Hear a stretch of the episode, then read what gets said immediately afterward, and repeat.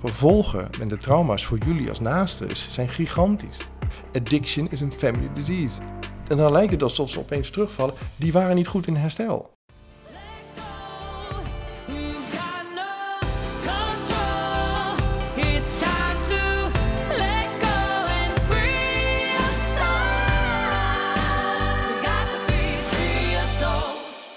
Welkom bij SOS de podcast. Uh, de podcast waarin wij het hebben over verslaving en de impact daarvan op naasten. Ik zit hier vandaag met mijn moeder. Ja, ik ben er weer bij. Hi. Hi. Hey, en vandaag hebben wij een gast. Hallo Daan. Hi. Vandaag is Daan Denik bij ons. Ja, heel leuk om hier te zijn. Ja, ja. nou dankjewel dat je wilde komen. Ja, Daar zijn we heel blij mee. Ja. Uh, nou ja, Daan, jij bent uh, psycholoog en programmamaker bij Solutions. Wat houdt dit precies in? Nou, psycholoog is, ja, daar heb je denk ik wel een begrip bij. Uh, Dat is wij behandelen mensen. Ik ben zelf geen ervaringsdeskundige. Mm wel van een depressie. Dus dat heb ik toen ik 23 en 25 had. Dus dat gebruik ik ook wel eens als ervaringsdeskundige. Ja. En ik ben hacker geweest. En dat gebruik ik ook wel. mensen met de crypto's en met gamers en dingen. Dus ik weet dat stukje weet ik wel als oh, eigen ja. ervaring. En ja, de programmaontwikkeling is, we hebben natuurlijk een kliniek en dat heeft een programma. Elke kliniek heeft een behandelprogramma. Mm En die ontwikkel ik en met, met anderen samen. En soms uh, beginnen we een nieuw programma. We hebben een deeltijdbehandeling, die hadden we nog niet. Nou, dat is vier jaar geleden begonnen. Okay. En dan ontwikkel je dan een deeltijdprogramma. Daar zitten dan wel elementen in die ook in de kliniek komen, maar ook nieuwe dingen komen daarin. Oké. Okay. Dus heet programmaontwikkeling, development in het Engels. Interessant wel. Zeker interessant. Ja, ik wilde eigenlijk meteen uh, met de eerste vraag beginnen. Uh, wat maakt nou het verschil tussen gewoon iets gebruiken uh, en een verslaving? Nou ja, zoals je het woord al zegt, hè, een gewoonte. Dan ga ik een raar verhaal vertellen misschien. Um, als jij je handen vouwt, hè, dan ligt er een van de twee duimen ligt bovenop. Ja. En als ik dat aan de lezingen, tijdens de lezingen vraag aan familie, dan zeg ik, pak hem nou eens andersom. Ja. Nou, dat kan je zelf ook doen. Dat kan je thuis in de huiskamer nu ook doen. En dat voelt anders. Ja, dat voelt raar. Ja. ja. Dat, is, dat is een gewoonte. En stel dat mijn vrouw zegt... Daan, ik ga bij jou weg als je daar niet mee stopt. Mm ook al heb ik dat mijn hele leven gedaan, die gewoonte... dan kan ik dat gewoon veranderen. Dan denk ik, oh ja, vrijdag doe ik nog even verkeerd. Oh nee, dan gaat ze bij mij weg. Ja. Oh ja. Dat is een gewoonte. Maar een verslaving, dat is iets wat veranderd is in je brein. En dat kan ik makkelijk vertellen aan een voorbeeld die jullie allemaal kennen. Dat is een persoon, man of vrouw, die heeft er vijf jaar over gedaan, hè, vijf jaar, om op één pakje sigaretten per dag te komen. Nou, op een gegeven moment komt die persoon erachter, dat is niet gezond. Dus die stopt, doet een cursus, stopt, rookt drie jaar niet. Mhm. En nou, relatie gaat uit, krijgt stress en ze zit binnen twee dagen alweer op dat ene pakje. Ja. Nou, dat is de verslaving. Dat brein is helemaal veranderd. En dat brein, en dat is ook in de behandeling, krijgen ze bij ons geen nieuw brein. Nee, ze leren nieuw gedrag. Maar het brein wat ooit verslaafd werd, kan dus gewoon weer helemaal opnieuw verslaafd worden. Hè? Maar zeg je dan eigenlijk dat mensen die verslaafd zijn, en dan maakt het denk ik niet zoveel uit waaraan, maar dat hun brein blijvend anders is dan mensen die nooit verslaafd ja. zijn. Er zit een gevoelige component in in de genen al. Hè, dat, dat geen 90% van de mensheid is niet verslaafd, en die 10% wel. Mm -hmm. Die 10% wordt, heeft een heel groot gevoel, ja, als gevolg van een genetische gevoeligheid in het gezin, plus nog dingen die je meemaakt. En de genen bepalen niet alles, want ook stress en andere dingen die je meemaakt, kan hoe de genen zich uitdrukken, dat heet de expression of the genes, ja. de epigenetica, ook beïnvloeden. En dat komt uit een een-eigen tweelingenonderzoek, groot onderzoek. Die hebben dus dezelfde blauwdruk. Mm En toch komt er bij de ene van die tweelingen andere dingen uit bijvoorbeeld onder stress dan de andere tweeling. Terwijl dat volgens degene dan niet zou moeten kunnen. Hè? Nee, nee. Nou, een beetje een voorbeeld, dat hebben dus dezelfde muziek, toch klinkt het anders bij de een dan de ander. Ja. Nou, dat is hoe de genen beïnvloed kunnen worden door de, uh, ja, door de opvoeding, door de nurture. Dus dit hele nature-nurture debat, hè, dat is wel bekend, opvoeding en genen. Dat is eigenlijk heel moeilijk geworden, omdat wel degelijk de omgeving, de genen kunnen beïnvloeden hoe die zich ja, uitdrukken. Hoe dat uitpakt. Dus stress en dat soort dingen, dat is de, een beetje nu, nu in de psychiatrie. Een kind wordt gemaakt in de eerste duizend dagen. Daar wordt je zenuwstelsel gemaakt, je hersenen voor een heel groot deel gemaakt. En daar moet je het wel mee doen. En dan, na die duizend dagen is het eigenlijk maar alleen maar damage control, heet dat. Dat klinkt heel negatief, maar dat is wel heel veel van de vage ziektes die je nu hebt bijvoorbeeld. Die worden verklaard door stress en trauma in de vroege kindertijd. En dat zit dan ingebakken in je zenuwstelsel. Ja. En er zijn heel veel ziektes die zeggen de artsen van ja, dat zit tussen je oren. Nou, dat blijkt niet zo te zijn. Dat zit ingebakken in je zenuwstelsel toen dat gevormd werd. Ja. In die eerste oh. duizend dagen. De eerste 2,5 jaar ongeveer van een kind. Ja, ja, ja. Dus van de conceptie tot en met. Uh, ja. Er zit heel veel ingebakken in je zenuwstelsel onder invloed van stress en stresshormonen en spiegels. En dat zien we nu ook bij mensen die eh, vaak ja, stoornissen hebben die eh, moeilijk te verhelpen zijn. En dan zie je dat vaak trauma daar de oorzaak van is. Maar dan heel vroeg kinderlijk trauma. Oké. Ja. Maar bij verslaving spelen er wel nog meer dingen. hè? En verslaving is een aparte stoornis, want het is een traumatiserende stoornis op zichzelf. ja, Niet alleen voor de hoofdpersoon, maar ook hè, voor de naaste. Ja. Jullie spreken uit ervaring. Ja. Het is heel traumatiserend, ook voor de omgeving. ja. Het Ja. liegen, het bedriegen, de, de, de hoop die verdwenen is. Constant opnieuw beginnen, ver over je grenzen heen gaan. Dus dat maakt het zo'n complexe stoornis. Ja, dat eh, is zeker zo, ja. Dat, dat, dat over je grenzen gaan en dat voor de naasten. En... Ja, en hoe kijk jij aan tegen het taboe dat daarop ligt? Ja, als, als professional, ik begrijp het aan de ene kant, maar kijk, ik, nou ja, laat ik mezelf beginnen. Ik weet, dat is lang geleden, toen ik eh, jong was, 25, toen ik die depressie had. Dat was een, een taboe. Hè? Burn-out en taboe, dan was je een sukkel en een loser. Dat is in de tijd wel veranderd. Hè? Als je Ja. nu een burn-out hebt, dan heb je gewoon hard gewerkt. Hè? Eh, Tough guy Ja. of tough eh, woman. Ook depressie is meer, meer hè, ja, Geaccepteerd. geaccepteerd. Ja. Maar bij verslaving gaan nog steeds de luiken dicht, de gordijnen dicht. Terwijl wij weten dat het een hersenstoornis is. Op het moment dat je dat weet, het is niet bedoeld als excuus. Nee, het is bedoeld dat degene die uiteindelijk de stoornis heeft, eerder in zorg kan komen en zich laat behandelen. Ja, Want het ja. is niet een gebrek aan ruggengraat, of wat ze vaak zeggen. Hij moet gewoon een schot onder zijn kont hebben. Hij heeft gebrek aan ruggengraat. Dat zeggen vaak vaders. Als Ja. ik die in de groep heb, dan zeg ik: Oké, meneer, eh, check even uw ziektekostenpolis. Gebrek aan ruggengraat wordt niet vergoed. maar een hersenstoornis die verslaving heet wel. Ja. Oh ja, oh ja, oh ja, oh ja, Daan, oh ja. We behandelen mensen om te ja, leren kiezen voor een geluk, niet voor een gelijk. Nee. Maar En dat geldt uiteindelijk ook voor de omgeving. moet iemand met een verslaving natuurlijk... ehm, die is wel zelf verantwoordelijk voor zijn herstel. Voor zijn herstel en wel. het willen herstellen. Precies zoals je het zegt. Kijk, Ja. op het moment dat jij actief gebruikt, dan is de, de stopknop een stuk, de, de impulsen zijn heel sterk. Je wordt constant overspoeld door dingen die je niet moet doen. En de meest simpele definitie van verslaving is: je doet dingen waarvan je weet dat je het niet moet doen en het toch doet. Ja. Maar de verslaving heeft ook een geheugencomponent. En dat is een lastige. Als zij bij ons behandeld worden of elders, zij weten wat het middel voor ze doet. Als je nooit cocaïne hebt gebruikt, weet je niet wat cocaïne voor je doet. Die ervaring is niet gedelete, is niet gewist als je weggaat. Dus in hun hoofd, dat heet de expectancy, de verwachting omtrent de werking van het middel, is nog steeds actief. Ja. Ja, De verwachting naar, naar de, het nieuwe gedrag, wat je in therapie geleerd hebt, is nog heel laag. Niet Ja. omdat je iets verkeerd doet. En herstel is eigenlijk dat je steeds dat toepast. En dat je langzaam vertrouwen krijgt in je nieuwe gedrag. Wat ik dan zo lastig vind is, ehm, hè, in ons geval eh, heeft degene die verslaafd was heel veel keer ervaren van eh, elke keer als ik het gebruik, dan heb ik daarna een bak ellende. Want dan gebeuren er allemaal dingen die ik. Eh, maak ik dingen kapot. ik maak dingen kapot, hè. Eh, ik breng iemand in onveiligheid. Ehm, dan zou je toch denken, snapt je brein dan op een gegeven moment niet, hè, als je trek krijgt in dat middel, van oké, dat is even heel kort, maar daarna zit ik met die bak ellende. Ja, maar dat is precies hoe je het uitlegt. Dan wint de korte termijn, wint het dan van de lange termijn. Ja. En dat, is, dat heet dilemma counseling. Wij leren dan de mensen, goh, wat zijn nou de voor- en nadelen op de korte termijn en op de lange termijn. Ja. Op het moment dat jij zucht krijgt, hè, trek krijgt of je bent getriggerd, dan is de korte termijn, en dat gedrag bepaalt eigenlijk, en dat legt uiteindelijk je impulsen worden dan zo sterk, dat ook al weet je cognitief, maar dat, dan ben je al lang voorbij. Dat is, dat is het vervelende en dat is het frustrerende voor de omgeving. Als ik met kinderen spreek, ben ik dan niet belangrijk genoeg voor mama of papa? Ja. Ja. Dat is een kind is niet te begrijpen. En dan leg je uit als die rem stuk is, dat dat niet meer meespeelt. Nee. En op het moment dat ze dan gebruikt hebben en zich schuldig voelen, dan is de cirkel weer rond. He, ze willen het niet doen, geven ze heel veel om het niet te doen. Uiteindelijk hebben ze het toch gedaan, hebben ze een schuldgevoel, zelfbeeld gaat weer omlaag. Ja, ja, en is de cirkel weer rond. cirkel, ja. Dat geeft weer de opmaat naar het volgende gebruik. Want dan hebben ze uiteindelijk dat kind wat huilt en papa heeft weer gelogen. En als jij zegt, ochtends ik zal dit nooit meer doen en je gaat smiddags weer drinken. Het kind leert alleen, oh papa is een leugenaar. Ja. Dat is het enige, dat is, Ja. dat is de wereld van een kind.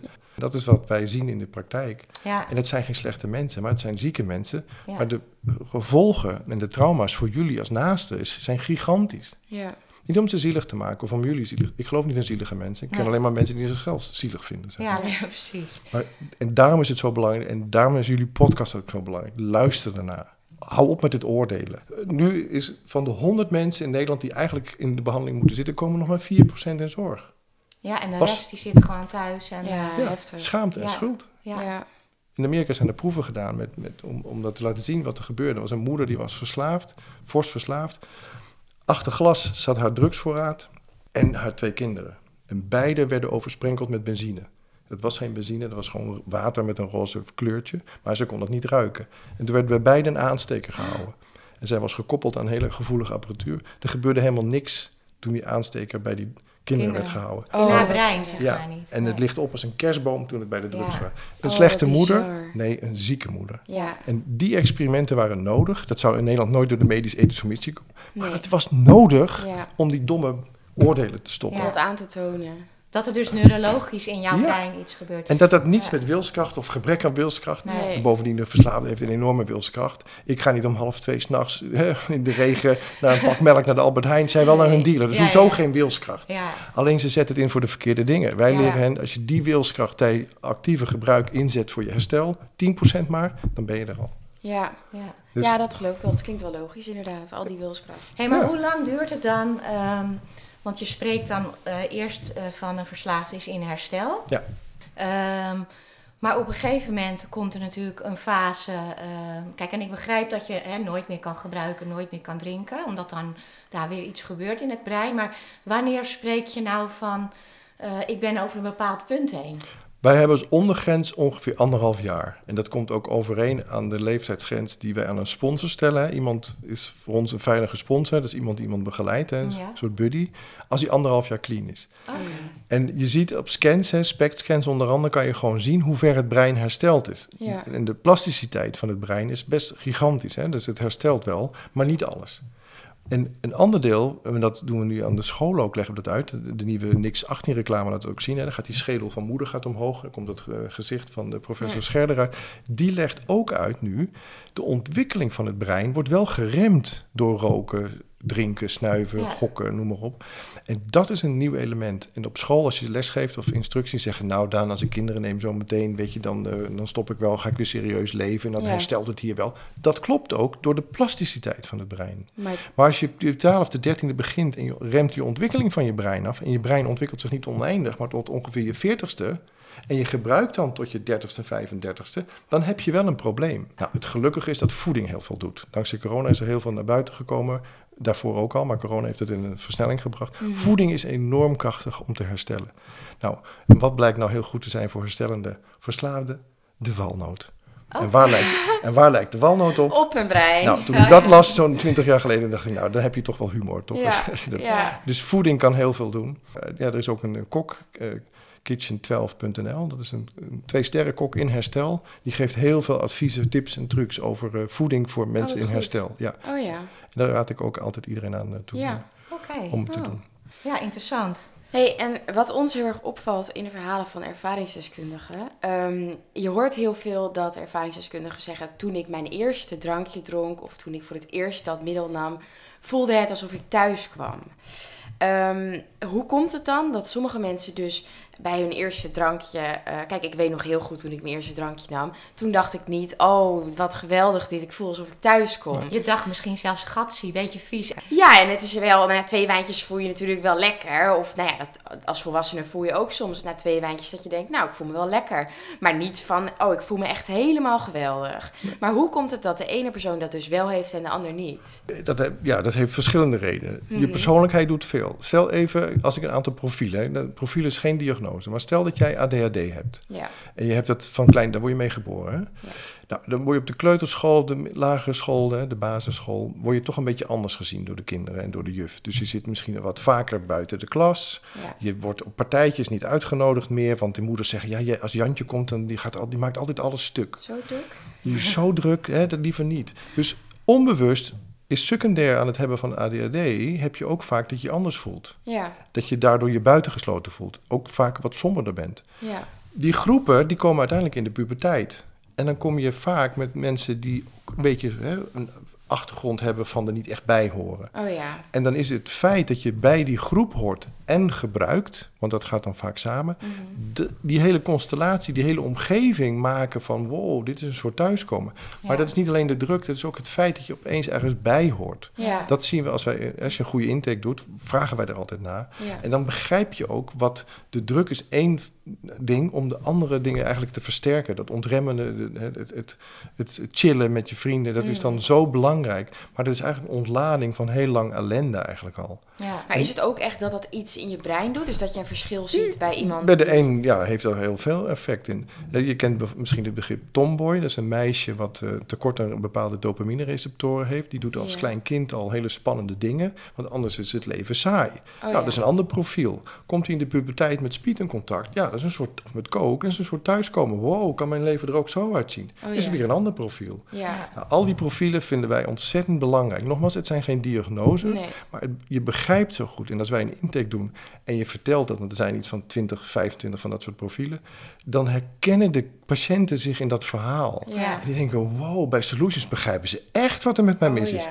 Ja. Dat is die handshake. Maar Ja. het gaat om dat je de persoon ziet. ja. Niet weer Het zoveelste labeltje. Nee, Nee. wat is jouw verhaal erachter? Ja. En je hebt twee dingen. Je hebt een levensverhaal, dat is wat er zich gebeurt. Ja. En je hebt een wordingsgeschiedenis, dat is hoe is het gebeurd. Oh ja. En die wordingsgeschiedenis, dat geeft die binding van... ho, deze mensen bij Solutions, die weten echt wat mijn wording is. Die zien mij echt zoals ik ben en wat ik geworden ben. ja. Dan heb je al een insteek, wat mensen ook de behandeling afmaken. Ja, wat Is, is het ook zo bij Solutions, want jullie hebben natuurlijk ook het 12-stappen-programma, Ja. Ehm, dat jullie een hoger slagingspercentage, als je dat zo mag noemen, hebben dan eh, bijvoorbeeld andere klinieken die anders werken? Ja, ja wij, laten dat, wij onderzoeken dat. En we onderzoeken dat niet zelf, hè, anders krijg je een soort wc-eend Ja. die zichzelf onderzoekt. Maar wij laten door een extern bureau doen. En je meet dat aan het eind van het eerste jaar, eind van het tweede jaar, aan het eind van het derde jaar. En waarom Oh, is dat belangrijk aan het eind? A, omdat het aansluit bij de wetenschappelijke literatuur in, in de wereld. Maar juist omdat wij weten dat het eerste jaar komen bijna alle patiënten, dat heet de wall of de muur. Mhm. En dat is de fase ongeveer na nou, zes weken, begint dat acht weken, dat ze vanuit die, die honeymoon, hè, de huwelijks, hè, ze voelen Ja. zich helemaal goed, crashen ze eigenlijk op een gegeven moment in die wol. En dat komt omdat je hebt uiteindelijk langzamerhand in je brein, heb je constant door het gebruik, is je brein niet meer zelf die pretstofjes aan het aanmaken. Dus op het moment dat je in de kliniek komt en je stopt met gebruik, met drinken en snuiven, dan is dat brein niet meteen weer zelf in staat om die stofjes aan te maken, zoals dat bij jullie en bij mij wel gebeurt de hele dag door. Ja. Hè, in, in mindere mate, maar dat Ja. doet het brein zelf. Dus dan komen ze opeens in die crash landing, en wij noemen dat de flatline. Niks voelt meer prettig. En dat klopt ook denkbeeldig, dat hedonistisch setpoint, dat pret, dat is aan dalen. Ja. En op het moment dat ze dat doen, dan zijn ze zo teleurgesteld. Het was zo goed en ik, ik- iedereen was blij en ik at weer goed en het smaakte goed en ik sliep beter. Het, het is bleh, ja. ik heb nergens meer zin in. Nee. En dat klopt ook en dan leggen we dat ook uit. Hè. Daar hebben we heel Maar dat veel- hoort erbij. het hoort erbij. Je kan niet, niet door die muur heen. Nee. Je moet er doorheen. Je kan er niet onderdoor of overdoor, je moet er doorheen. En uiteindelijk, fake it till you make it, gaat het weer bewegen. Ja. En als een cliënt tegen mij zegt, Daan, ik heb geen zin, dan zeg ik standaard, zonder zin mag ook. Oh ja. Oh ja. Zonder. Want ik weet, en dan leg ik natuurlijk dat Je moet uit. jezelf ertoe zetten. Ja, je moet het er zelf toe zetten. Maar iemand die naar een meeting gaat, hè, naar zo'n zelfhulpgroep, die heeft aan het eind van de dag geen zin. Maar ze komen er allemaal met meer energie vandaan. Ja. dat Ja. heeft er allemaal mee te maken. Ja. Met gelijkgestemden weer praten. Je verhaal kwijt kunnen. Delen is helen. Dat zijn geen Ja. tegeltjeswijsheden. Dat is het letterlijk, dat is het echt, het is een ziekte, leven en dood, hè?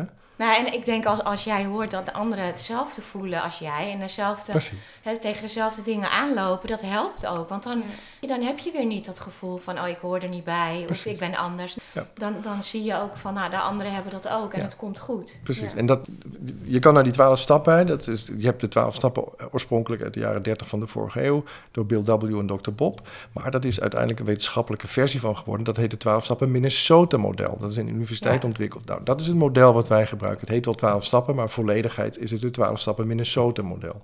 Nou, een van de dingen is eigenlijk mensen hebben uiteindelijk in de tijd een binding gekregen met hun middel. Alle andere bindingen zijn eigenlijk kapot of verloren gegaan. Met hun naasten, met hun fellows, met, met nou, vul maar in, collega's, werk, hobby's. Wat wij doen eigenlijk in het begin van de behandeling, is de, bij de eerste drie stappen, is eigenlijk het herstel van de verbinding met hunzelf. Ja. Het middenstuk is eigenlijk het verbinding weer met de familie, met de naasten. En het laatste, de herstel met de verbinding met de wereld. Dat zijn de laatste stappen. Ja. Nou, zo kan je ook naar de stappen kijken. En dat vind ik de meest krachtige manier ernaar te kijken. Het herstel van verbinding. Ja. Ja. En wij zijn sociale wezens. Op het moment dat jij je isoleert tijdens je gebruik, dan haal je juist alle krachtige dingen bij je leven weg. Nou, dat hebben jullie zelf Ja. meegemaakt. En daarom is de impact voor jullie als naasten zo groot. En in herstel, dat, ja, dat kan ik wel met enige trots zeggen. Ons familieprogramma, waar ik met Pieter Moren heel veel aan gewerkt heb en ontwikkeld heb, dat heeft een model gestaan nu voor het herstel van slachtoffers met de daders. En dat, Sonja Graansma heeft daar een mooi boek over geschreven. En dat, eh, dat is uiteindelijk ook nu letterlijk in de afgelopen jaren eh, van de grond gekomen. Gebaseerd op het herstel van naasten. Ja. En dat is de kracht ook wat jullie hoop ik ervaren. Beide hebben hun hersteltraject. Ja. Ja. En het is niet bedoeld als, als een relatieredder, maar wel om te kijken dat jij zelf weer onafhankelijk van elkaar in herstel komt en dat je in vrijheid weer voor elkaar kan kiezen. En niet vanuit afhankelijkheid, hè, van codependency. Maar of je, en soms gaan ook relaties komen niet meer goed, laat dat duidelijk zijn. Ja. En wij geven geen relatietherapie, maar wel systeemtherapie. Hoe zit het systemisch in elkaar? Ja. Maar hoe gaan jullie dan om? Want in ons geval hè, is de relatie eh, voorbij. Eh, maar heb je nog met elkaar te maken vanwege een kind? Ja. Eh, dat is natuurlijk een ander soort relatie die je dan eh, hebt. Ja, nou ja, goed, de- binding is dan altijd het kind. Ja. Je bent tot je laatste adem moeder of vader. Ja. Dat alleen al maakt het heel belangrijk. Maar je hebt natuurlijk ook je pijn. Jullie zijn, hè, je, je hebt gevoel daarbij. Je bent geen heilige. Natuurlijk, dat zijn dingen die je eigenlijk los van elkaar ook kan behandelen en moet behandelen door de zelfhulpgroepen die er ook voor jullie zijn. Hè? De Alanon, de Narcanon, de ACA, Adult Children of Alcoholics. Ja. De Alatien voor de kinderen. Er zijn heel veel zelfhulpgroepen. En waarom zijn wij er zo voorstander van? A, het kost niks. Het werkt heel efficiënt. En het is ontzettend helend Ja. door te delen. En eh, er zijn natuurlijk psychiaters en, en goede psychologen die dat ook doen. Maar die weten vaak weinig van verslaving. Ja. En het is zo'n specifieke tak van sport. Hè, wat ik zei, het is een traumatiserende stoornis in zichzelf. Voor de hoofdpersoon, maar ook voor jullie. Ja. Dan zou je beide goed moeten begrijpen. Ja. Want het heeft nooit als doel om te oordelen of te veroordelen. Maar wel om te zien dat de pijn en het verdriet zo groot is. Dat dat eigenlijk alle twee in herstel moet komen. En dat wordt vaak vergeten. Want ja, dat heeft ook een verzekeringsachtergrond. De hoofdpersoon is verzekerd, die komt dan bij ons in behandeling. En wij geven, hebben wel een familieprogramma, maar dat zou eigenlijk veel meer moeten. Maar ja, je krijgt maar een bonnetje, mag je indienen voor één persoon, niet voor het hele systeem. Nee, nee. En niet om zielig te doen, maar dat is de praktijk. Terwijl ik denk, joh, maak het nou eens wat breder en wat groter. En betrek er bijvoorbeeld ook de safe houses in. Ja. Waarom zou dat niet uit de verzekering kunnen? Nu wordt het een beetje gebedeld bij de, bij de gemeentes. Ja. Ja. Ja. Het kan veel Nou, ja. slimmer. En de verzekeraars is uiteindelijk gewoon een economisch bedrijf. Wij weten dat het veel slimmer kan, de zorg. De zorg is niet te duur, het is gewoon heel inefficiënt. Ja. Dat is een heel ander probleem. Wij Solutions, wij durven het aan om te zeggen, wij kunnen het veel beter organiseren. Ja. Maar dan moet je wel alle partijen erbij betrekken. En er hoort ook bij dat je niet apart aan het gezin gaat peuteren, maar gewoon het hele systeem. Ja. En dat begint al bij de huisarts, want de huisarts ziet vaak een heel gezin. Maar er staan allemaal schotjes tussen de verschillende dingen. Dan heb Ja. jij bijvoorbeeld als moeder heb jij eh, stress of slaapklachten, omdat je dochter een eh, relatie heeft met een verslaafde. Ja, precies. Ja. Nou, ik noem maar even wat. Zo Ja. was het wel, ja. Dan kan jij daar apart slaappillen voor krijgen of dingen, terwijl de oorzaak van het probleem wordt niet veel dieper. aangepakt. Ja, Nee. nee. Dus dat is dweilen met de kraan open. Dat kost ontzettend veel geld. Eh, uiteindelijk heeft eh, mijn dochter de stap genomen om eh, haar relatie te beëindigen, waardoor er bij ons een soort van een beetje rust is gekomen. eh, tot op bepaalde hoogte. Maar ik, ik durf echt te stellen dat als ze dat niet gedaan had, dat wij allebei de ziektewet in waren Nee. gegaan. Want wij waren allebei zo in de stress. We waren omgevallen. Ja. Dus Ja. wat ik vertel... Dat was hoop- echt op het randje eigenlijk. Ja. En onze oprichter Don Schorter zei: Addiction is een family disease. Ja. Hè, verslaving is een familieziekte. Ja. Iedereen verliest daarvan. Ja. Maar als schaamte en schuld dat zo uit elkaar speelt, dat eh, de meest zichtbare dan in behandeld wordt en de andere die waar dat minder zichtbaar is dan niet. Ja, Die moet gewoon helemaal aangepakt worden in zijn ja geheel. in zich. En ja, nou, is- en, en vaak, nou wat jij zegt, het is, hè, wat zei je, vier van de honderd worden behandeld. Ik denk al die andere mensen met een verslaving en dus ook hun families, Ja. die zitten daar nog middenin. ja, ja, ja. Dus zijn die komen ook helemaal niet in beeld. ja, en weet je hoeveel er mensen zijn zoals jullie in Nederland? Wij schatten 4,5 tot 5 miljoen. En die gaan naar hun werk, die doen een opleiding, Ja. die hebben andere kinderen. Ja. En ze hebben het niet. En dan zitten ze op een verjaardag en iedereen vertelt heel enthousiast over het kind, hoe Niemand goed het allemaal weet gaat. het. Ja, niemand Bij weet jullie het. zit het allemaal in je achterhoofd. Ja. Jullie zouden eigenlijk eens moeten weten. Ja. Ja. Niet om jullie zielig te maken. Hè? maar Nee. nogmaals, Nee, dat maar dat is de je- realiteit. Omdat het zwaar is. Ja, en dat is ook wel wat wij ervaren hebben. Dat je, je gaat zoiets als een naaste ook niet meteen aan de, aan de grote klok hangen. En je wil dat Nee. ook niet meteen delen. Nee. Ook omdat er schaamte op, eh, op is. En eh, omdat je ook niet negatief wil praten Precies. meteen over degene waar het over gaat. Precies. En omdat je altijd, denk ik, als mensen hoop hebt dat dingen goed komen. Dus dat is ook, denk ik, waarom zoveel mensen het voor zichzelf houden. En eh, ja, Ja. waarom jij zegt dat er zoveel mensen zijn die... Ja. eh, En dat is ook de reden, weet je, jullie vroegen me omdat ik wilde doen. Omdat er zoveel belang, ik hecht op en Solutions breed zoveel belang eraan dat het op de agenda komt van iedereen. Ja. Dat elke huisarts het weet, dat elke doktersassistent, POH dat weet. ja. En dat je uiteindelijk ook, wij bieden soms mensen in herstel die dan hun stap 12 willen doen, die willen bij de huisarts aanschuiven om dat moeilijke gesprek te doen. Vrijwel geen enkel huisarts maakt er gebruik van. En dat bieden we al jaren aan. Ja. Bel naar, naar, bel naar ons wij, of bij een andere instelling die met een 12 stappen werkt. Ze willen het doen. Er zijn Ja. vrijwilligers zat. Ja. Mensen in herstel, familieleden in herstel, die dat gesprek gaan voeren. Kost je helemaal niks. Nee. Maar dan zegt de verzekeraar, ja, dan komen er wel meer mensen in zorg aan. Ja, maar dat is pennywise foolish. Omdat uiteindelijk de kosten gaan alleen maar omlaag. Ja. Ja, Hoe precies. eerder je erbij Nee. bent, Ja. Ja. hoe, en dan is het niet alleen om geld, ook de, de, de emotionele schade is natuurlijk gigantisch.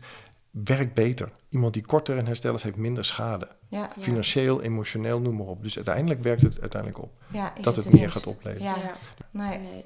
Hey, maar kan de familie ook terecht bij die programma's als de naaste niet in behandeling is? Of moet wel echt de naaste in behandeling zijn? Bij een patiënt, bij een kliniek, heeft dan de, zeg maar de, de verzekering heeft dan de, de, de, bonnetje pakt die op. Daar liften dan de familieleden op mee. Maar als jij een familie hebt die, eh, of jij jij als familielid en de, jou, de hoofdpersoon die verslaafd is, wordt niet behandeld, ja, dan zal je toch niet in een verslavingsinstelling zomaar een behandeling kunnen krijgen. Dat is dan meer via een zelfgevestigde psycholoog of psychiater. Ja, of naar zo'n Of naar de groep al zelfhulpgroepen. Ja, En mijn persoonlijke ervaring is dat die zelfhulpgroepen, en daar zitten ook betaalde bij, hè, goede, die hebben opleiding gehad en die doen het ook voor de naasten, die zijn er wel degelijk. ja. En ik kijk naar een blad LEF, weet je, wat iedereen ook aanraadt voor, voor familie en mensen in herstel. Er staan heel veel goede advertenties in van bona fide mensen die ook naasten behandelen, los van eh, instellingen. Ja. En die heel goed werk doen. Hey, en waarom is het nou zo moeilijk om in herstel te blijven? Want we horen dan van die cijfers, hè, van eh, volgens mij 40 tot 60 procent valt terug. Klopt dat? Ja, in, het, in die periode, in die wolfase, maar aan het eind van ons is toch 70, 75 procent is clean en sober. Oké, dat is Ja. wel een hoge score ja, inderdaad. ja. Maar wat maakt het nou zo ontzettend moeilijk? Nou, omdat er zijn triggers. Wij kunnen natuurlijk niet de wereld eh, veranderen. Of eh, de, de wereld is uiteindelijk gegeven. Wij kunnen in de behandeling alleen veranderen hoe men met de wereld omgaat. Nou, er zijn heel veel regeltjes en dingetjes, die leggen we ook allemaal uit. Nou, een voorbeeld bijvoorbeeld, eh, iemand heeft een, heeft een kookprobleem en dat heeft hij toegegeven. Maar hij drinkt ook en die alcohol was nooit een probleem. Hij dronk wel, maar het was nooit een verslaving. Dus op het moment dat ze in behandeling komen, zeggen nou oké, weet je, die, kook, die kookverslaving, die, oké, dat is helder, daar ga ik mee stoppen. Maar dan houden ze het deurtje naar alcohol, houden ze open.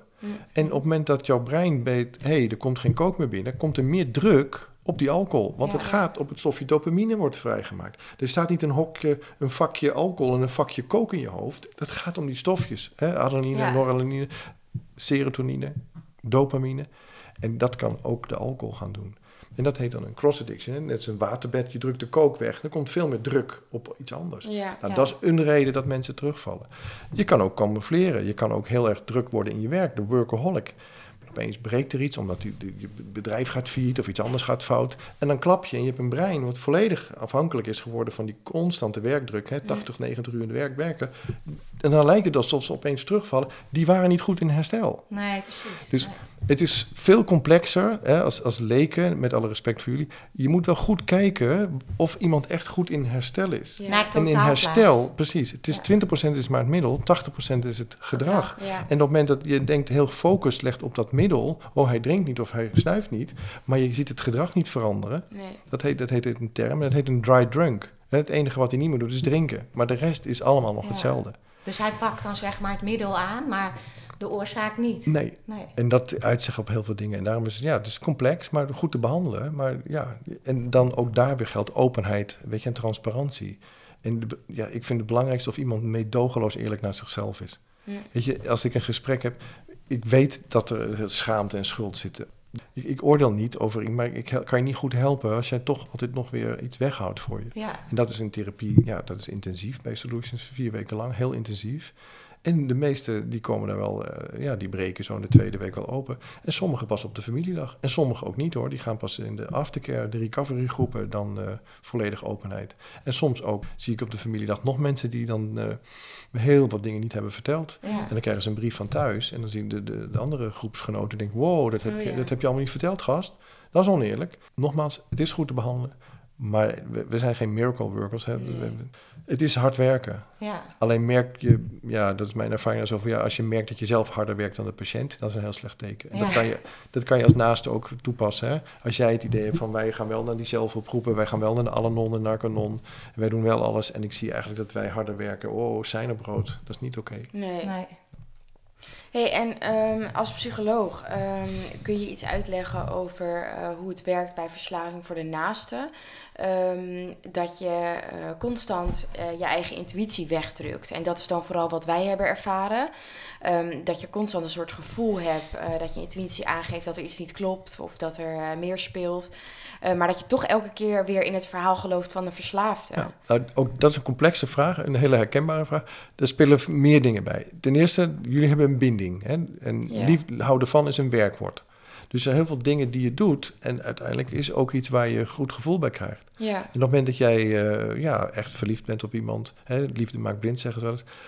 Dat zijn allemaal dingen die je meemaakt. Op het moment dat iemand dan eh, ja, fout maakt of een terugval heeft, dan denk je nou nog, als ik nog een beetje harder loop, dan gaat het misschien dan wel goed. Dus er zit ook veel wishful thinking bij.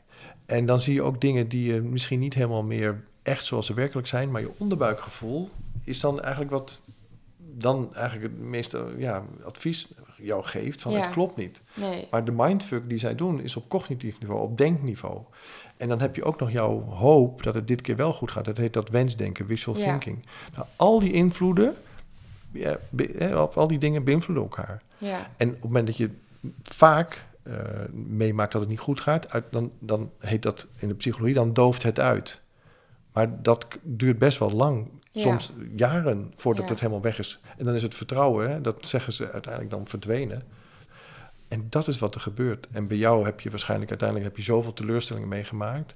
En dat je omgeving ook op je inpraat. Weet je wel, word Ja. wakker, zie je alles wel scherp. Ja, Maar en dat het is zijn ook wel echt jaren. zo dat je, dat je eh, voor mij voelde het wel echt alsof mijn brein echt gemanipuleerd werd, zeg maar. Maar dat, dat, ja, dat gebeurt ook voor een deel ook. En dat, Ja. dat gaslighten wat je bedoelt, hè, dat, Ja. dat, dat, dat is een, naar de, een- hè, naar, genoemd naar een film. En uiteindelijk maakt het ook dat je, en dat is wat we doen, als wij als mens eh, onze controle verliezen over een ander, dan doen we een trucje, dan gaan we iets bij onszelf zoeken. Want als ik dat nou anders doe, hè, Ja. dat is de illusie, dan denk je, dan gaat het wel lukken. Ja, En zo los je je met dat trucje je, ma je machteloosheid op. Maar Ja. het is een trucje. Eh, controle is een gedrag wat zichzelf in stand houdt. Als jij blijft controleren en het gaat fout, dan zeg je: zie je wel, goed dat ik heb gecontroleerd. Mm.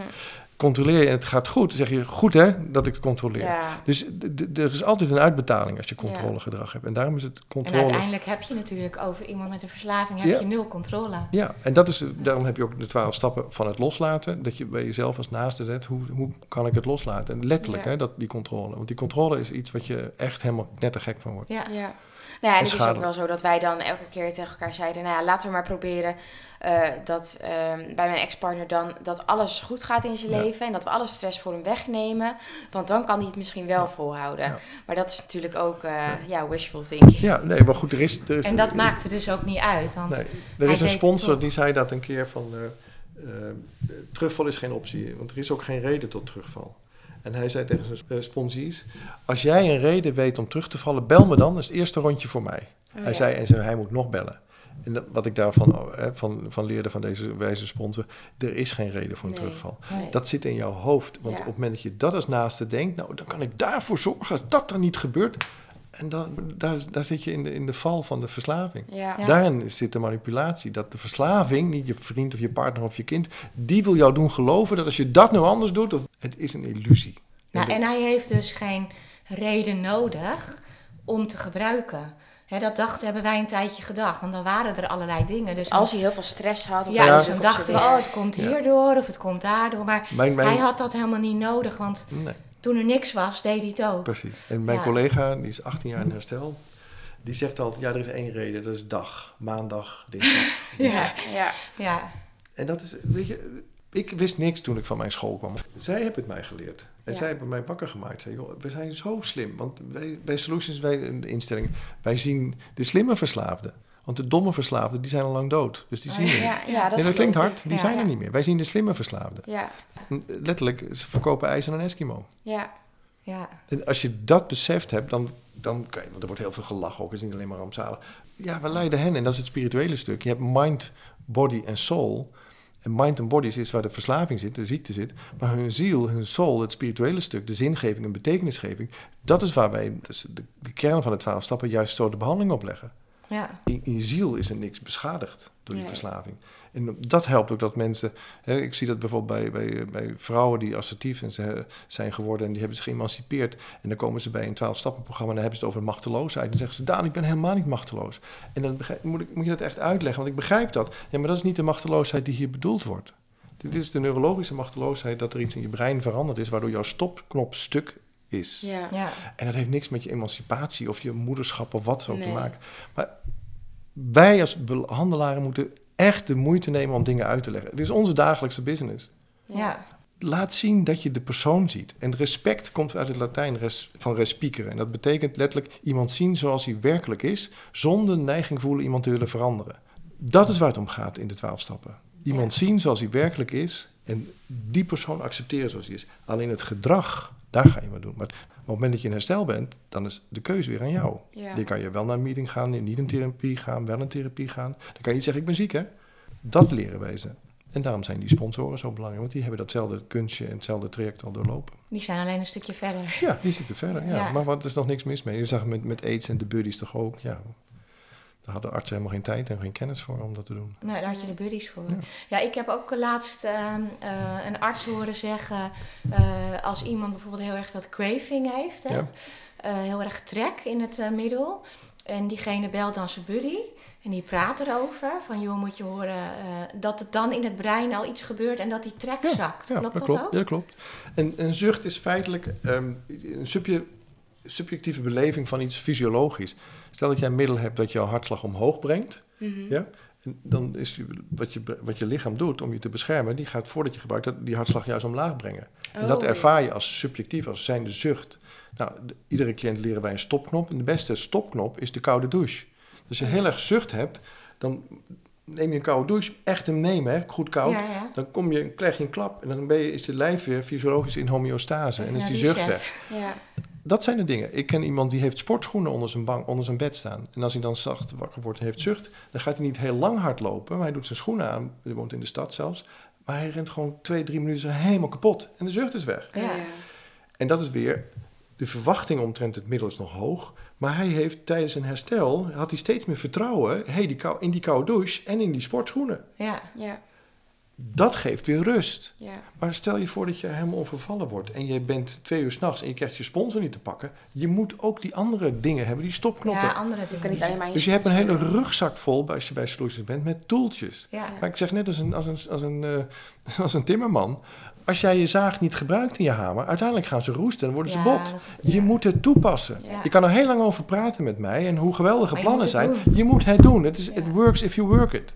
En wordt die craving dan op een gegeven moment ook minder? Dat je Ja, na een dat paar is jaar... na die 18 maanden ongeveer. Je ziet Dat het op scans, zie je het al ongeveer. Maar we nemen het ruim, zie je het al na 90 dagen ongeveer. Hè. Daarom is het mooi zo, die 90 days, 90 meetings. Hè. Dat werd ook Ja. neurologisch aangetoond. Dan zie je al veranderen. Dat is een mooie film van Ernst Nollander. Dat staat op YouTube. De eh, valkuilen en behandeling van verslaving. Die laat die scans ook zien na 90 dagen bij een kookgebruiker. Dus dan zie je. En dat laten wij ook zien, want het geeft wel hoop. En ja, iemand die dan zegt, je hebt gebrek aan ruggengraat. Ja, dat stimuleert toch niet? Ik kan het niet voor je doen. Je moet het zelf doen, maar nooit meer alleen. Dat is het hele Nee, idee van de nee. fellowship en het idee van solutions. En daarom heten wij ook solutions, want een verslaafde denkt in problemen. Don zei altijd, je moet een verslaafde in oplossingen laten denken. Want op problemen gebruik je. Ja, precies. Ja. En dan denk je, is het zo simpel? Ja, het is Ja. zo simpel. Ja, En het werkt kennelijk, want we hebben een hoge succesrate. Hm. ja, goed. Hey, en is het zo dat, ehm, dat achter verslaving vaak een ehm, achterliggende persoonlijkheidsstoornis of ADHD Kan. of kan. Maar dat noem ik dan de profielen. Hè. Er zijn verschillende aanvliegroutes, zeg maar, Mhm. hoe je er komt. En die kan van iedereen verschil, verschillend zijn. En dat kan de ene kan een trauma zijn, de andere kan ADHD zijn. Ook de andere kan helemaal niks zijn. Nee, oké. Dus jij, je gaat vijf fases door bij de ontwikkeling van je verslaving. En die eerste twee fasen gebruiken mensen om zich prettig te voelen. Ja, dat is, dat is waar 90% in zit, zeg maar, van de mensen die drinken of gebruiken of blowen. Ja, Dan ben je niet verslaafd. Maar dan, dan is er wel iets aan je brein aan het veranderen al. ja, En dat kan je ook zien op die scans. Op een gegeven moment schieten ze door van fase 2 naar fase 3. Dat heet de Mhm. kritieke fase. En die kritieke fase ziet de omgeving vaak als eerste. Van hé, hey, ja, je, vroeger was je heel actief met ons kind. Nu lig je de hele zaterdag gewoon op de bank. oh ja. Waar was je gisteravond bij dat 10 minuten gesprek? Je ziet overal gaan, gaan er- het gaat rafelen. zeg Ja, maar. En jullie gaan als eerste confronteren als naaste. Zou je niet eens wat minder of stoppen? ja, En in het hele prille, prille, prille, prille begin gaan ze dat ook echt proberen. ja, En dan komen ze er voor het eerst achter. Het lukt niet. Ik Nee. kan niet stoppen, ik kan niet minderen. Nee. En daar begint het liegen en bedriegen. ja, herkenbaar. Dat ja. doet iets met je zelfbeeld. Ja, In de fase 3 daalt ook dat zelfbeeld. Ik lieg mijn moeder recht in het gezicht. ja, De vrouw waar ik een kind mee heb, lieg ik voor. ja, Dat doet iets met dat zelfbeeld. En er is dus vanuit fase 3 steeds meer reden ook om je te verdoven. ja. Ja. En daar start de dieselmotor die- op van de verslaving. Ja. Herkenbaar, hè? En die vicieuze cirkel Ja. ook. En daarom zeggen we, de eerste twee fases gebruik je om je prettig te voelen. Ja, Fase 3, 4, 5 gebruik je om je niet slecht te voelen. ja, Dus de oorzaken zijn heel anders. Ja. Heel veel instellingen zijn alleen maar bezig waarom ben je gaan gebruiken. Bij Solutions doen we beide. Waarom ben je gaan gebruiken en waarom blijf je gebruiken. Waarbij de nadruk ligt op die tweede variant. Waarom blijf je gebruiken. En dat zijn alle dingen die je leert in de behandelingen. Simpel, als je het zo hoort. Maar ik vind het zo belangrijk dat je, jullie alle twee heel erg zitten te knikken nu. Ja. Want dat is, heb ik niet bedacht. nee, Dat is wat verslaafden ons hebben verteld. En wij hebben goed gekeken hoe die... ver- Wij hebben dat model gebouwd Ja. zo. Ja. Die vijf fases. ja, En daarom heten we Solutions. ja. In oplossingen. Duidelijk. Ja. Mooi. Hey, wat kun je nou als ouders van opgroeiende kinderen doen? Ehm, ja, hoe, hoe wapen je ze nou tegen eh, al die drugs? Ehm, in het voorgesprek hadden we het er even over. Ja. Hè, dat er zo ontzettend veel drugs is. Er komen steeds meer pillen bij. Hè, de een nog Een mooier dan de ander. maatschappelijke probleem. Eh, Nou, het is zo normaal, hè? dat hoor je heel veel van, van jongeren. Ehm, ja, wat zou je daarover kunnen zeggen? Ja, eigenlijk een heel lang antwoord. ja, nee, maar je trekt het veel breder. Kijk, de kern van veel gebruik is uiteindelijk omdat mensen niet willen voelen. Eh, dat is wat mensen doen. Dempen om, te, hè, om het gevoel te, te- af te vlakken, stemmingen te reguleren. Ja, Als je je kind opvoedt dat gevoelens oké zijn, van heel klein kind, wat je ook voelt, of wat je ook denkt of voelt, wat voor seksuele voorkeur hebt, openheid, Hm. delen, erkennen van het kind van gevoel. Dat is de grootste preventie die je kan doen dat mensen überhaupt gaan gebruiken. Ja. Want als je je echt voelt wie je bent, wie je mag zijn, trouw bent aan de ziel die je hebt, ja, dan hoef je niet anders te gaan voordoen. Dan hoef je niet helemaal je lens te drinken voordat je op een tafel gaat dansen. Mensen, drugs veranderen niet wie je bent. Nee. Ze halen de rem eraf. Het allerbelangrijkste is dat je, dat je kind opvoedt in acceptatie, in vrijheid. ja. Ik ben oké. En als een kind uiteindelijk, hè, de, de ontwikkelingsfases, dus ongeveer de separatie, individuatiefase, dan krijgt het kind een klein beetje narcistisch eh, trekjes. Dat is heel gezond, dat is primair narcisme, want die gaat zich losmaken van mama. Ja. En die zegt, nou mam, tabé, ik ga de wereld ontdekken. Ja. En die gaat dingen meemaken. En op het moment dat je daar de aandacht bij hebt en niet de hele tijd op je telefoon kijkt en het kind komt terug van die ontdekkingsreis en je zegt, oh fijn dat je bent, vertel wat je hebt meegemaakt. Ik heb een dood egeltje in de tuin, whatever. Luister naar dat Ja. kind. Ja. Dus het begint eigenlijk al heel vroeg. Heel Ja. vroeg. Dat is de preventie van de, mijn broer die belde mij, toen was zijn dochter geboren. Wanneer begint opvoeden? Zei ik dag één ben, dag één. Ja. En dat zijn de dingen, de, de preventie zit in het feit dat je wel onze kinderen en onze Erkennen maatschappij gaan opvoeden. Erkennen van het gevoel dat Ja. oké Ja. is. En dat is wat we zien in therapie, dat mensen heel erg blij zijn bij Solutions. Wij zien hen zoals ze zijn in die wordingsgeschiedenis. Ja. Eindelijk voor het eerst word ik gezien wie ik ben. ja, dat is wel triest eigenlijk. Ja, hè? en de maskers gaan af. Dus Ja. één voor één pellen wij die maskers af. En ja, ik ben thuis niet veel anders. Kan je mailen hebben met mijn vrouw. Ja. Maar ik hoef niet af te vragen, oh ja, hoe was ik nou vorige keer toen ik hier was? Nee. Nee. Maar dat heb ik wel geleerd van mijn depressie. Uiteindelijk, weet je wel, de eerste keer deed ik er niks aan, kreeg ik om mijn 25e de tweede. Dus toen wist ik ook, ik moet niet tijdelijk iets anders doen, maar blijvend. Ja. Ja. En dat is uiteindelijk waarom ik me vrij voel en nooit meer angstig voel en niet meer depressief ben. Nee. Tenminste, ik hoop niet dat ik een sombere indruk maak. Nee. Maar, jouw advies als, aan ouders dus, zie je kind Zie je exact, het gevoel. zie je Ja. kind. En dat is, komt Ja. van res, hè, dat respect. En dat is een, hè, dat iedereen neemt het maar in de mond, hè, respect. Maar Ja. kijk naar de echte betekenis van respect. Ja. Iemand zien zoals hij werkelijk is, zonder de neiging hebben hem te willen veranderen. Ja. Ja. Ja, en ik zei vroeger altijd tegen mijn kinderen, dan was er wel eens iets. En dan zei ik, ja, het leven is geen feestje, zei ik dan altijd.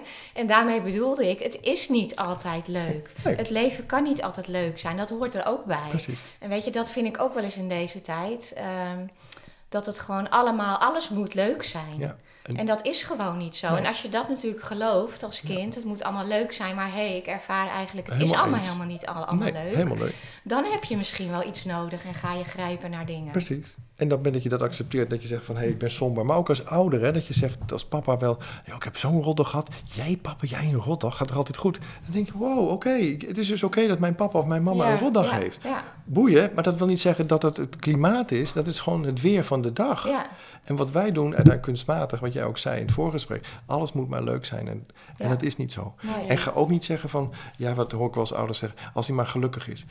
Dat, dat is mooi dat je dat denkt, Ja. maar hoe wordt een mens gelukkig? Ja. Dat die ook dus de dingen zijn die niet oké zijn, Nee. a- a- accepteert. Hè? Het is yin en yang. Een kind moet juist die verschillen kunnen leven. ja. Nou, en je bent ook niet elke dag van je leven gelukkig. Nee, nee, het zou ook je heel hebt ook saai. mindere dagen. Ja, Het is buitengewoon saai trouwens. ja, ja. Dat zegt iemand, zei van mijn leven zou perfect zijn als ik niet zo perfect was. ja, en dat is wat je doet. Accepteer de dingen zoals ze zijn. ja. En dat maakt dat wij, eh, ja, ik zie dat wel in die laatste jaren, dat het wel toeneemt. Ik vind, eh, het is het nieuwe normaal geworden. En dat komt omdat mensen eigenlijk best wel veel ongelukkig zijn, veel geïsoleerd zijn. Ja. Ja, dat zag je bij corona ook. Dat heeft een enorme explosie aan mensen die verslaafd werden. Ja. Eh, voorbeeld wat ik wel mooi vind. In de fellowship wordt gehukt, hè, omhelst. Mhm. Nou, dat hoor ik wel eens mensen zeggen. Nou, Daan, ik ga niet naar, naar zo'n AA toe, want het is omarmen elkaar, doen wij raar. en dan zeg ik, heeft iemand jou wel eens uitgelegd waar het vandaan komt? Nee, nee, dat hebben ze niet gedaan. Zeg ik, dat was in de jaren dertig, waar je de mensen zaten inderdaad of in een gekkengesticht, Mhm. of waren dakloos op straat als je verslaafd was. Dus die hadden al heel lang geen fysiek contact. Nee. Skinhanger kent nu iedereen dankzij corona. Ja, Ja. Dat hebben wij nodig.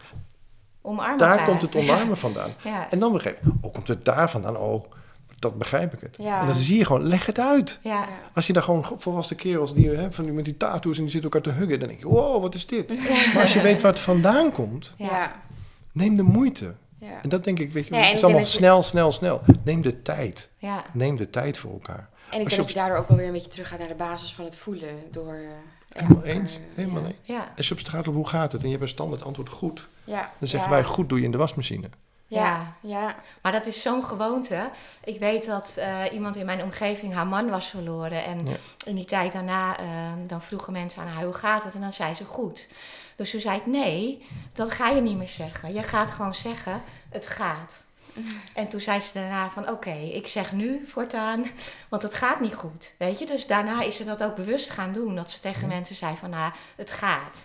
Weet je, en dan krijg je een gesprek. Want als jij zegt goed, dan denken mensen, oh, nou, goed. Precies, ja. Weet je, dus wees gewoon eerlijk. En het is meer dan een spel met woorden. Het is echt dat zij ook voelt waarschijnlijk dat jij dat oprecht zo meent. en Ja, dat meende ik ook echt. Want ik dacht, ja, je moet dat niet zeggen. Want ik zie gewoon dat het niet goed met je gaat. En dan neem je de tijd. Want geloof me, ieder mens test even de ander. Ook in, een- bij een huisarts bijvoorbeeld, in de eerste vijf minuten test de verslaafde de huisarts. Oh, dat is weer zo iemand, nou, weet je, die is niet echt geïnteresseerd, die zit er weer achter zijn ding te typen. Ja, Die wil niet echt weten hoe het met mij gaat. Niet om die beroepsgroep te disqualificeren, want te zeggen, ja, maar ik heb maar tien minuten tijd. Ja, maar ze verstoppen jullie spreekuren wel, hè, met die tien minuten. Want ze komen heel vaak met Ja. klachten die niets te maken hebben waarvoor jullie gaan behandelen. Waardoor de spreekuren dichtslippen. En uiteindelijk ook daar weer pennywise pound foolish. Neem de tijd. En je zal zien dat heel veel dingen echt een andere wending krijgen. ja. En daarom ben ik jullie ook zo dankbaar over die dingen die jullie doen. Want dat helpt, dat helpt daarbij. Ja. ja. Blijven, blijven communiceren, blijven de tijd nemen. En dan kun je van alles ervan denken en vinden. Maar blijf, blijf het doen. Gaan we ook zeker doen. nou ja, heel erg bedankt voor je tijd. Ja, we, hebben wel weer veel geleerd, Geworden, Want dat is ook waarom we deze podcast maken. Wij, gaan zelf op zoek naar antwoorden. Ja. En we hebben er vandaag wel weer een paar gekregen, denk ik. Heel veel goede, mooie antwoorden. Ja, Ja. daar gaan wij weer mee aan de slag. ja. Nou, heel erg bedankt voor je tijd. Graag en Voor je gedaan, mooie graag verhaal. En heel veel succes ook bij eh, Solutions verder. Dank jullie wel. Ik zal het zeker overmaken. want Ik ben maar een gezicht nu. Hè. Dus natuurlijk- we doen het met z'n allen bij Solution. Ja, nou dankjewel. Nou, bedankt voor het luisteren. En ik hoop dat jullie de volgende keer er weer bij zijn. Ja, en ik hoop dat jullie het net zo interessant vonden als dat wij het vonden. Adios. Adios.